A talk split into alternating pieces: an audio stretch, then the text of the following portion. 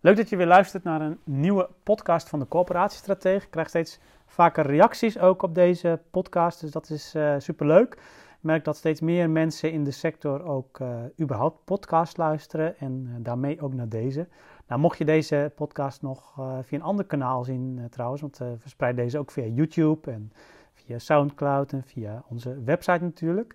En je luistert hem nog niet op je telefoon via de podcast-app Kijk dan eventjes eh, in je podcast-app en zoek daarin naar corporatietips en dan, uh, dan vind je ons. En dan uh, heb je ons altijd bij de hand en ehm, ja, kun je onderweg, of je nou met de auto of met de trein bent, of ja, als je even in een dood moment zit, heb je gewoon interessante interviews, tips, alles en nog wat over strategie en corporaties bij de hand. Dus of je nou via Apple Podcast luistert of via Spotify of via een specifieke podcast-app op je Android-telefoon. Zoek even naar corporatietips en dan, uh, dan vind je deze podcast. Nou, ik ga snel beginnen met het onderwerp van vandaag. Alles heeft met alles te maken.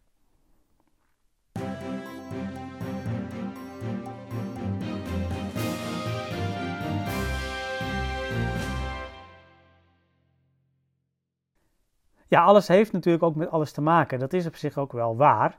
En veel corporaties die zich dat realiseren als ze bezig zijn met strategievorming, die lopen daardoor vast. Wat ik in de praktijk dan zie, is namelijk dat ze een beetje blijven hangen in de analysefase.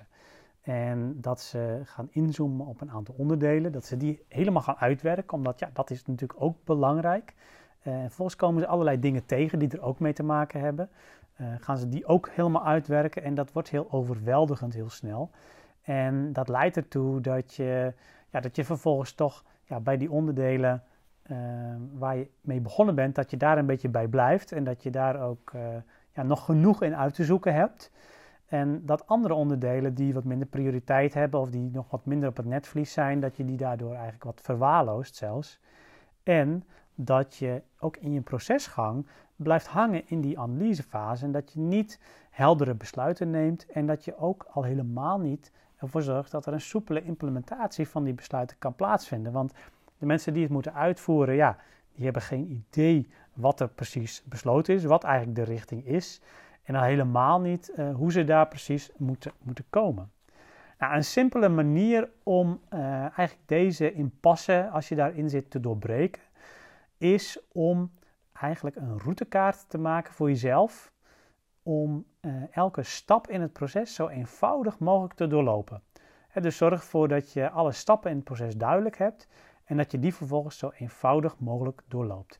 En eigenlijk bij elke strategievormingsproces heb je in grote lijnen de fase van uh, eerst analyseren, dan uh, een aantal conclusies daaruit trekken, daarover besluiten en vervolgens zorgen dat daar ook uh, ja, een soepele implementatie kan plaatsvinden. Nou, dat ga je volgens weer evalueren en zo is de cyclus rond en begin je weer opnieuw met je analyse. Ga je weer nieuwe besluiten nemen, et cetera, et cetera. Nou, zorg ervoor dus dat je, waar je ook mee bezig bent, of dat nou met huurbeleid is, of met verduurzamingsbeleid, of met portefeuille asset management, of dat je uh, nou, iets anders aan het doen bent, maakt niet uit. Zorg ervoor dat je die cyclus zo klein en zo kort mogelijk houdt en zo simpel mogelijk.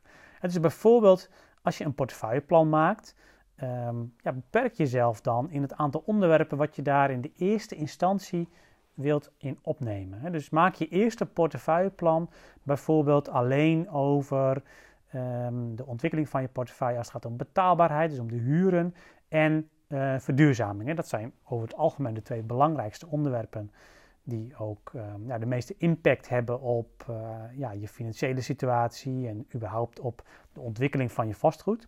Dus begin daarmee en ga voor elk van die twee onderwerpen ga bepalen, oké, van welke informatie is nou het allerbelangrijkste in de analyse. En zo heb je misschien dan per onderdeel heb je misschien drie of vier punten die je wilt weten. Je wilt misschien iets weten over de inkomens als het gaat om betaalbaarheid. Je wilt natuurlijk weten wat je actuele huren zijn, wat je streefhuren zijn. Dus noem daar een, een stuk of drie, vier, hooguit vijf punten. Uh, ga dat dan uitzoeken.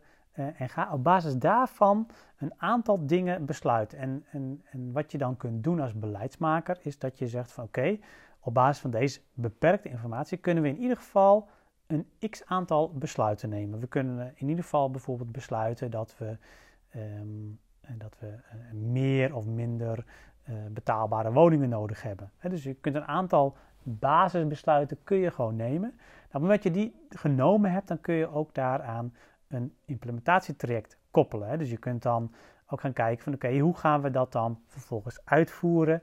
Uh, en je kunt dan kijken van oké, wat levert dat dan op? Nou, op het moment dat je dat op die manier doet, zou je, is mijn overtuiging, je portefeuilleplan in één of twee weken gewoon helemaal af kunnen hebben. Heb je een heel eenvoudig portefeuilleplan, maar dan heb je wel die hele cyclus een keer doorlopen. En op het moment dat je die cyclus hebt doorlopen, dan uh, begint eigenlijk de magic. Want dan ga je die cyclus steeds weer opnieuw doorlopen. En elke keer als je die cyclus doorloopt, hè, de cyclus van analyseren, weer besluitvorming, weer implementeren, weer evalueren. Elke keer als je die cyclus doorloopt, dan ga je een stukje toevoegen. Uh, of je gaat een stukje verdiepen. Um, of je gaat een stukje actualiseren, wat misschien inmiddels niet meer uh, actueel is of waar je nieuwe informatie over hebt. En elke keer als je dan die cyclus doorloopt, ja, dan wordt dat plan dus een stukje beter, een stukje uitgebreider. En dan kun je weer nieuwe besluiten nemen en nieuwe besluitvorming toevoegen. En dan wordt het ook voor de implementatie veel helderder wat je wil en welke kant je op gaat. Nou, alles heeft met alles te maken, maar het hoeft niet te betekenen dat je niet gewoon vandaag al met één ding kunt starten. En dat is uh, de eerste cyclus zo eenvoudig mogelijk maken van welk beleidsstuk je op dit moment ook maar mee bezig bent. Heel veel succes daarmee en graag tot een volgende podcast. Bedankt voor het luisteren naar deze podcast. Wil je nieuwe afleveringen ontvangen? Abonneer je dan op deze podcast. En kijk ook eens op onze website corporatiestratege.nl voor meer praktische tips en downloads die jouw werk als corporatiestratege makkelijker maken.